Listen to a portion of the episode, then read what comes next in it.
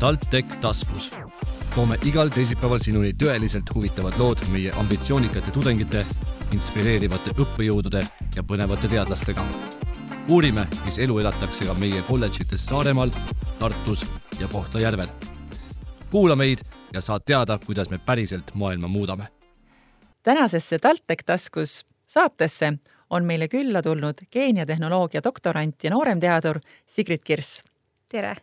Mina olen Gerdu Lenar, TalTechi turunduse loovjuht ning samuti magistrant majandusteaduskonnas. Sigrid, sa oled kusagil varem maininud seda, et sa noorena soovisid hoopis saada advokaadiks, aga räägi, kuidas on sinust saanud teadlane?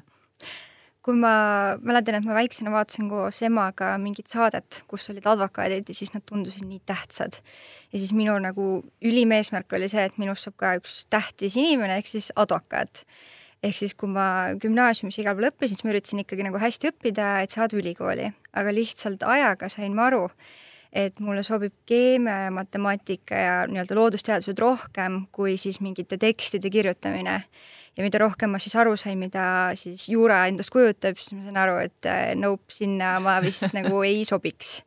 ja, ja aina siis põnevamaks muutus keemia ja bioloogia, et äh, tegelikult äh, kui ma gümnaasiumi lõpetasin, siis mul ei olnud üldse vahet, mida ma õppima lähen, et geenitehnoloogia või toidutehnoloogia või keemia või matemaatika, et kõik tundus nagu minu jaoks, et tahaks kõike aga mul ema ütles, et nagu tema on kuulnud, et geenitehnoloogia on üliäge, et meil üks peretuttav Riin Tamm on ka geenitehnoloog, et ma võiksin minna proovida. ja siis ma mõtlesin, et ma võtan selle ja kui ei meeldi, et siis saab ju alati eriala vahetada ja nüüd ma olen siis doktorantuuris, hakkas meeldima. Tundub nii. Aga see teadmine, et sa juba mainisid, et sa põhikoolis äh, teadsid, mida sa konkreetselt õppima tahad minna, see on päris, päris haruldane. Võib-olla, pigem ma arvan, mul oli see, et kõrge lend rohkem, et ma tundsin, et ma tahan midagi ägedat teha ja kuidagi nii-öelda midagi minna ikkagi õppima edasi, et äh, see soov ülikooli saada oli võib-olla isegi suurem kui see, et mis eriala lõpuks. Aga kui sa mõtled nüüd tagasi keskkooliaegsetele keemia ja bioloogia ja füüsikatundidele, siis äh, kui huvitavad need tol ajal olid? Äh, või, või äh, palju on tegelikult äh, räägitud sellest, et, et kui need ained oleks noortele veel huvitavamad, siis, siis nad leiaksid võib-olla veel rohkem tee just ka loodusteaduste juurde mul vedas sellega, et meie keemiaõpetaja Janno Puks oli lihtsalt üliäge. Ja tegelikult keemia oli mul algusest peale niisugune nagu justkui nagu esimene valik kogu aeg, et seda ma tundsin, ma tahan minna, aga noh, ma sattusin lihtsalt geenitehnoloogia peale, et seal tegelikult ei ole väga kauge üksteisest lõpuks ja et füüsika mulle väga ei meeldinud ei saanud hakkama ja bioloogiaga on tegelikult naljakas see, et, et see oli mul alati niisugune, et kui olid taimed, loomad, siis ma ei saanud väga hakkama, aga kui olid inimene, noh, inimese teemad, et siis ma nagu oskasin paremini, et tegelikult see bioloogias oli ka mul niisugune nõrk, aga see oli ka õnneks põnev õpetaja, et mina ütlen, et tegelikult nii õpetajas on kinni, et isegi võib-olla mitte nii õppekavas, vaid ikkagi õpetajas, et tuleb loota, et meil on rohkem selliseid äh, positiivseid ja, ja suure sihiga õpetajad, kes nagu lisaks sellele õpikutarkusele näitavad ka mingeid muid fun fact'e elust ja sellest erialast. just selliseid praktilisi teadmisi, mis, mis siis noorele päriselt ka seostuvad selle mm -hmm. ainega, et ta saaks aru, miks mul tegelikult seda üldse võiks vaja minna. jep, ja sellepärast äh, lisaks äh, nii-öelda doktorantuurile olen ma hakanud ka tegelema teaduse populariseerimisega et ma olen äh, kaks aastat seda loodusteaduste päeva teinud ja, ja loodangi siis sellega näidata siis gümnasistidele, et mis see, mis see teadus endast päriselt kujutab. et väga paljudes gümnaasiumites ju ei ole võimalust mingeid katseid asju teha, et kõik on mingite videote või raamatute piltidega et siis äh, see on üks koht, kus siis äkki mõnigi huviline saab siis selle silma, silma särama selleks, et nagu jah, ma tahan ikkagi seda kindlasti õppima tulla ja mina eelmisel aastal osalesin seal, et tõepoolest oli, oli väga huvitav ja, ja väga mitmeid selliseid huvitavaid töötubasid. seal sai päriselt kuskil tehti midagi südamega ja mm -hmm. siis olid seal need ää, äädikakärbsed ja siis tehti jäätist ja, ja mis seal kõik toimus, nii et, et tõepoolest ma ei teadnudki, et sina oled selle, selle ja. taga, et väga-väga hästi ja väga kihvtilt korraldatud et meil sündiski see sellest, et avatud uste päeval on lihtsalt liiga vähe aega töötubadeks. siis tuli ise teha aga kerime natukene siiski veel aega tagasi, et mm -hmm kui sa jõudsid siia TalTechi mm -hmm. päris äh, alguses, siis äh, kuidas sul see sisseelamine läks ja, ja kuidas see esimene aasta kulges, kui sa mäletad üldse seda veel? ikka mäletan äh,. esimene semester oli tegelikult väga raske, et äh, ei, kunagi ei taha valetada selle koha pealt, et, äh, et ikkagi see üleminek gümnaasiumiõppelt siis ülikooli, et kus järsku ei pea nii palju nagu mingeid kontrolltöid tegema, vaid et järsku pärast poolt aastat on hunnikus eksameid, et see ehmatas ära ja see oli raske ja see oli paljudele raske. aga põhimõtteliselt, kui see esimene semester esimene aasta üle elada, siis nagu äh, said nagu süsteemile pihta ja läks kergemaks ja noh, mind päästis lihtsalt see, et tõesti need õppeained olid põnevad, et võrreldes siis gümnaasiumiga sain ma nagu süvitsi seda õppida, mis mulle meeldib, et ei olnud nagu niisuguseid nii-öelda minu jaoks tilulilu asju sealjuures just selliseid, mis sulle tegelikult huvi ei paku, eks ju mm. -hmm. ja, ja kui sa baka lõpetasid, siis äh, kas sa jätkasid kohe siis ka magistris ja, ja edasi ja. nüüd ilmselgelt siis, eks ju, äh, oled äh, doktorini välja jõudnud, et mm -hmm. Et kuidas, kuidas see kogu sinu see õppeteekond üldse sündis, et see ei ole tänapäeval võib-olla just siis nagu väga äh, traditsiooniline, et võetakse kohe ette nii pikk äh, õppeteekond, et mm, -hmm. et mhm. jaga seda enda lugu ja, ja kuidas sina nende otsusteni jõudsid ja, ja kuidas sa oled jõudnud tänaseks siia, kus sa oled äh,? ütleme, et keemia ja geenitehnoloogia erialal on alati soovitatud, et magister tuleks järjest ära teha. Et, et lihtsalt see bakalaureus on niisugune hästi lai põhi ja magistrisse tulles siis sa nagu hakkad looma neid päris seoseid erinevate nagu siis õppeainete vahel ja saama nagu seda paremat pilti tegelikult ette. et selles mõttes seda ma teadsin kohe, et magistrini tuleks nagu välja minna. et noh, muidugi olenevalt, mida sa soovid teha, et kui sa soovid mingi võib-olla soovidki ainult õpetajaks minna, et siis piisab ainult bakalaureus, saad ülihea põhja, teed pärast selle õpetaja asja juurde, lähed õpetajaks, oled palju targem õpetaja kui võib-olla seal Tallinna Ülikoolist otse tulles aga minul lihtsalt oligi see, et magistrikindel, tahan teadust teha, aga äh, siis hakkaski pihta see, et kas jätkata teadusega või peaks tööle minema. aga siis oli koroona. ahah, ahah. nii et koroona ajal ei olnud tööd peale koroonatestijate. nii et, äh, et sellist nagu natuke nii-öelda parema palgaga mingit põnevamat tööd oli võimatu saada, kõik ressursid olid seotud koroonaga ehk siis mu ainuke valik põhimõtteliselt oligi doktorantuur ehk siis elu tegi sinu eest otsuse? et ma mhm. tegelikult oleks võib-olla tahtnud aasta võtta vabaks ja ka, et nagu näha tööturgu ja vaadata, mis võimalused on, aga lihtsalt koroona tegi minu eest selle selle nii-öelda valiku ära, siis mina jätkasin seal, et koht oli mul olemas, jätkasin samas laboris ja jätkasin oma magistritööd mm. -hmm seda sa oled äh, öelnud ka äh, varasemalt, et äh, tegelikult koroona pööras justkui teadusele suuremat tähelepanu või sellele, et mm -hmm. miks ta tegelikult vajalik on mm. -hmm. et äh, ma arvan, et aina rohkem ma nägin oma sõprusringkonnas, et hakati mult küsima teaduslikemaid küsimusi, kui enne kedagi huvitanud, siis hakkas järsku nagu huvi tekkima ja sama siis ka ühiskonnas, et aina, aina rohkem ikkagi ju oli, olid seotud uudised ja, ja noh, teadlased on, olid kuidagi rohkem pildis mm. -hmm. ja seda tõepoolest aga ma tahaksin sinult veel küsida selliseid ähm, efektiivseid aja kasutamise nippe, sest et äh, kui sa oled nii kaugele jõudnud, kus sa juba täna oled, siis ilmselgelt äh, peaks sul olema see ajakasutus päris hästi enda jaoks tööle pandud, et, et kuidas sa oled, kuidas sa oled enda jaoks selle tööle pannud? põhimõtteliselt ikkagi rutiin kuigi nagu labori, laborielu ei ole rutiin, siis mul on selline nagu enda rutiin, et et hommikuti trenn, see annab sulle päevaks energia ja siis sa saad õhtul rahus minna lihtsalt lebotama, ükskõik kui pikk su päev tuleb. Siis tööl tuleb kasutada Google kalendreid ja õppida postkasti hästi kasutama, et selle kohta oli väga põnev koolitus meil kunagi bakalaureuse ajal, kui ma seal organisatsioonides oli, et äh, mind on väga päästnud see, et ma kasutangi neid Google kalendreid, task'e, Gmailis sa saad need ära sildistada, et mis on oluline, mis mitte, et äh, kui sul ongi lihtsalt hästi palju asju vaja teha, siis ilmselgelt mõned on olulisemad, mõned vähem, et nagu seda ma soovitan inimestel rohkem ära õppida, kuidas enda jaoks panna kasuks kogu see mingi, kas siis Google või Microsofti, mis iganes kellelegi meeldib, aga neid nii-öelda platvorme ära kasutada.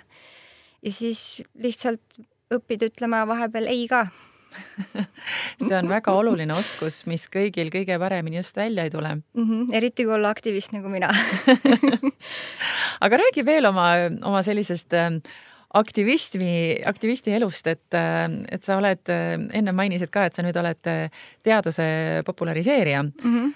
kuidas sa seda teadust lisaks siis sellele üritusele, mis sa oled korraldanud, veel populariseerid? just tegime teadlustööd näiteks siis kord aastas üritame õpetajatele teha ka niisugust loodusteaduste päeva, kus just kutsume külla õpetajad, et nemad saaksid siis oma õpilastele võib-olla rohkem rääkida ja hoida neid ka kursis, mis teaduses toimub.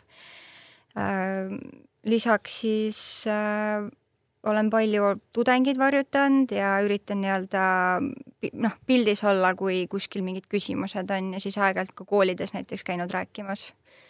et selline klassikaline aga mis on sellised tüüpilised küsimused, nüüd sa ütlesid, et, et eriti peale koroonat siis hakati mhm. sinult rohkem küsima ka eh, küsimusi, mis puudutavad teadust. mida sult kõige rohkem küsitakse? Äh, noh, koroona ajal ikka küsitigi, et mis see viirus on, et kas vaktsiinid on siis turvalised või mitte, kuigi noh, see pole päris minu eriala, siis ma ikkagi olen nagu võib-olla võimeline filtreerima mingeid fakte artiklitest, et mis on tõsi, mis mitte. et mult nagu pigem küsitigi, et a la, et mis sa sellest teemast arvad, kas see on tõene, et kuna ei osata võib-olla lugeda neid teaduslikke artikleid nii hästi, et siis ma aitasin nagu fakte kontrollida. aga muidu ma ise uurin Alžeimeri tõe, et siis selle kohta ikka kogu aeg küsitakse selleni ma tahtsingi jõuda, et äh, räägi lähemalt, äh, kuidas sa hetkel siis loodad vase reguleerimisega Alžeimerit ennetada? Alžeimeri tõbi on päris keeruline teema ta on, esiteks temal ei ole mingit konkreetset geeni, ta on selline, et äh, mingi geneetiline taust pluss keskkond äh, ja ikkagi selline vanemate inimeste haigus. Ja põhimõtteliselt seda siis kaks olulist siis nii-öelda markerit, mis seal haiguses on, on see, et sul hakkavad ajaga ladestuma siis raku välja sellised valgukogumikud, amulütnaastud, mis siis segavad rakkude tööd ja rakkude sees on siis äh, kogunevad sellised äh, äh, tauvalgud, mis hakkavad ka rak-, rakke segama ja lõpuks siis, kui rakkudel on, noh, neuronid on siis ajus, kui neuronitel on halb elu, siis nad surevad ära. ja ajapikku hakkab aju ära surema ja siis tekivadki need, et ei mäleta enam, ei oska normaalselt elada, mis need nii-öelda põhilised Alžeimeri sümptomid on. aga kui meil on juba ajus neuronid surnud, siis neid tagasi me saada ei saa ehk siis praegu on väga palju erinevaid niisuguseid ravimeid äh, uuringul, mis tegelevad nende sümptomitega, et siis, kui mul juba on Alžeimer nagu selles halvas seisus mm, -hmm. aga minu arust peaks nagu Alžeimerit hakkama juba enne uurima, et nagu ennetada, enne kui see aju hakkab ära surema. ja, ja siis äh, meie laboril on selline hüpotees et, äh, et kui seda vasetaset reguleerid, et siis äkki saab juba varakult nagu hakata kas siis edasi lükkama haigust või siis äh, kuidagi ennetada. ja põhimõtteliselt ongi näidatud, et rakust väljas on palju vaske, needsamad ammulütnaastud seovad hästi vaske ja raku sees on vähe ja kui raku sees on vähe, siis näiteks see võib ka mõjutada, et neid ammuloidvalka hakatakse jälle rohkem tootma, niisugune nagu ring, see on mhm, päris mhm. keeruline, mis seal toimub, aga selline, et, et paigast on ära mm. -hmm. ja siis äh, meie laboris on, enne mind oli näidatud, et üks ühend, lipoehape, see on siis muidu antijooksudant mm, -hmm. täitsa apteegis äh, toidulisana müügil, ehk siis ta on turvaline, looduslik, et tema seob vaske ja siis mina hakkasin äh, selle ühendiga katseid tegema, vaatama, et mida ta siis nagu selle vasega teeb ja näitasingi siis äh, oma, kasutades rakukultuuri, näitasin siis, et lipoehape on võimeline viima si rakku, rakku sisse vaske, aga niimoodi, et ta ei ole toksiline. et alati on see, et kui midagi liiga palju on ka halb, et väga palju on niisugused sünteetilised ühendid, mida on uuritud, viivad nii palju sisse, et rakk ikka sureb ära mm. -hmm.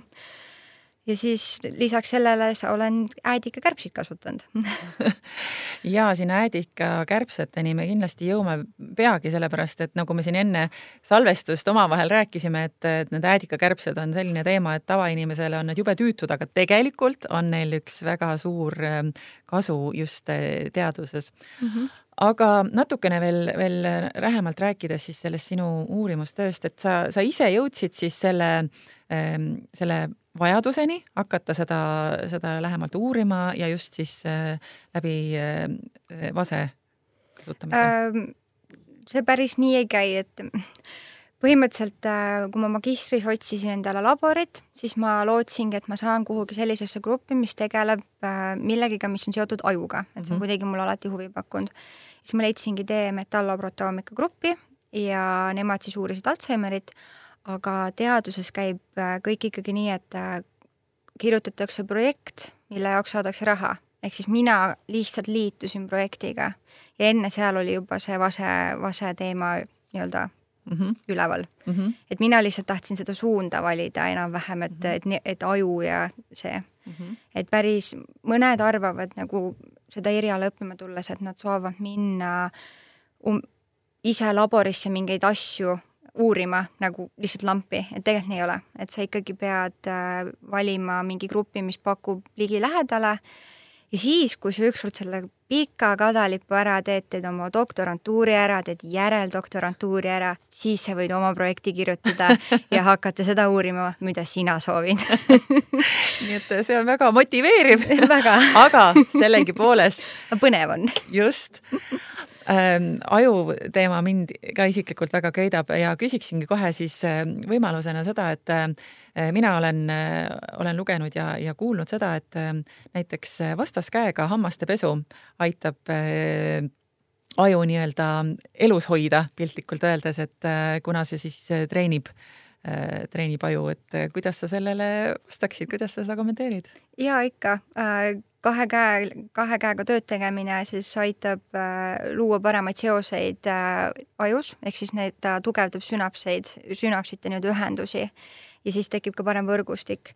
ja, ja tegelikult üldse Alžeimeri puhul eriti ka, et äh, kui sa, kõrgharitud inimestel on vähem näiteks äh, Alžeimerit, sest lihtsalt nii pikalt on pidanud õppima et mitte sellepärast, et nad on lihtsalt targad, vaid see, et me treenime palju kauem, et me ei lähe nii ruttu võib-olla mingisse tavarutiini ellu ja ehk siis mingite puslete lahendamine, sudokud, asjad ja näiteks ka kahekeelne töökeskkond on väga hea asi, mida pikalt võiks hoida, et nii-öelda treenida kogu aeg aju, et see nii-öelda ei jääks unarusse. et, et muud nii-öelda Alžeimeri niisugust konkreetset ravi või asja veel ei ole, vaid ongi head soovitused, et hea eluviis ja hoia oma aju aktiivsena kogu aeg.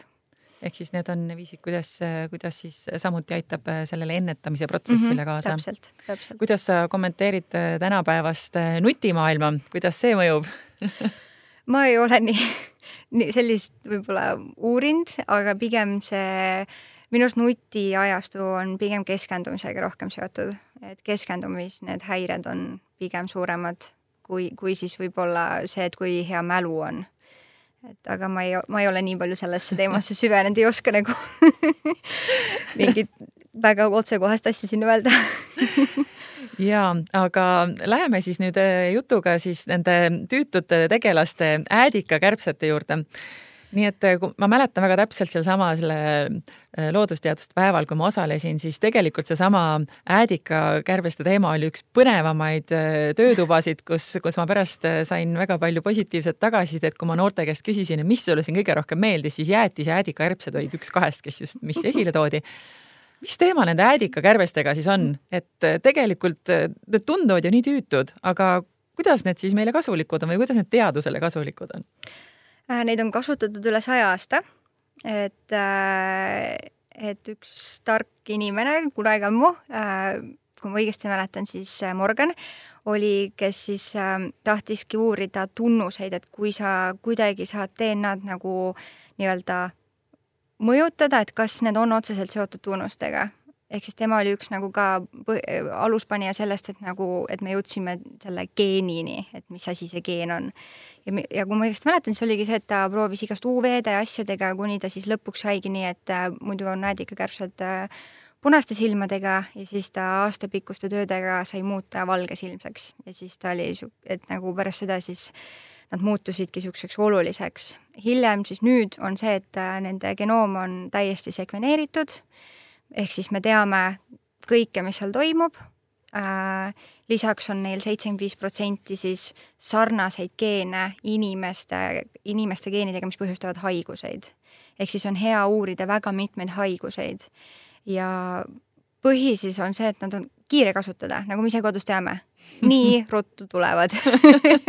Aga see teeb selle ka odavaks, et võrreldes hiirtega, et äh, siis on mõnus kasutada. Ja põhiliselt siis ma ka nagu vaatan, et kui mingi ikkagi ühend või potentsiaalne ravim, et kas ta on näiteks üldse toksiline, et võib-olla rakkude peal ei ole toksiline, aga terves organismis ikkagi on, et kui jäädikakärbes juba ära sureb no siis me ei liigu edasi.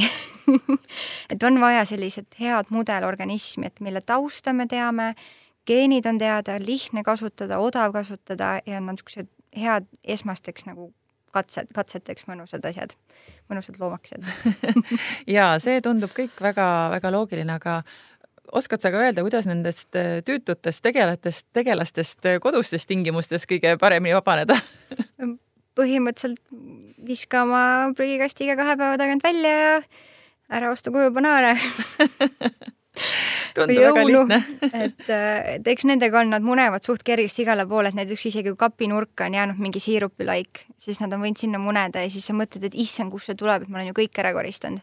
aga põhimõtteliselt äädika või, või mingi etanooli või niisuguse asjaga piserdades on ka siis lootust nagu ära tappa neid äh, mune, et aga ega ma ise võitlen samamoodi kodus nendega Pole mingit maagiat selline love-hate äh, suhe nendega siis mm, -hmm. jah?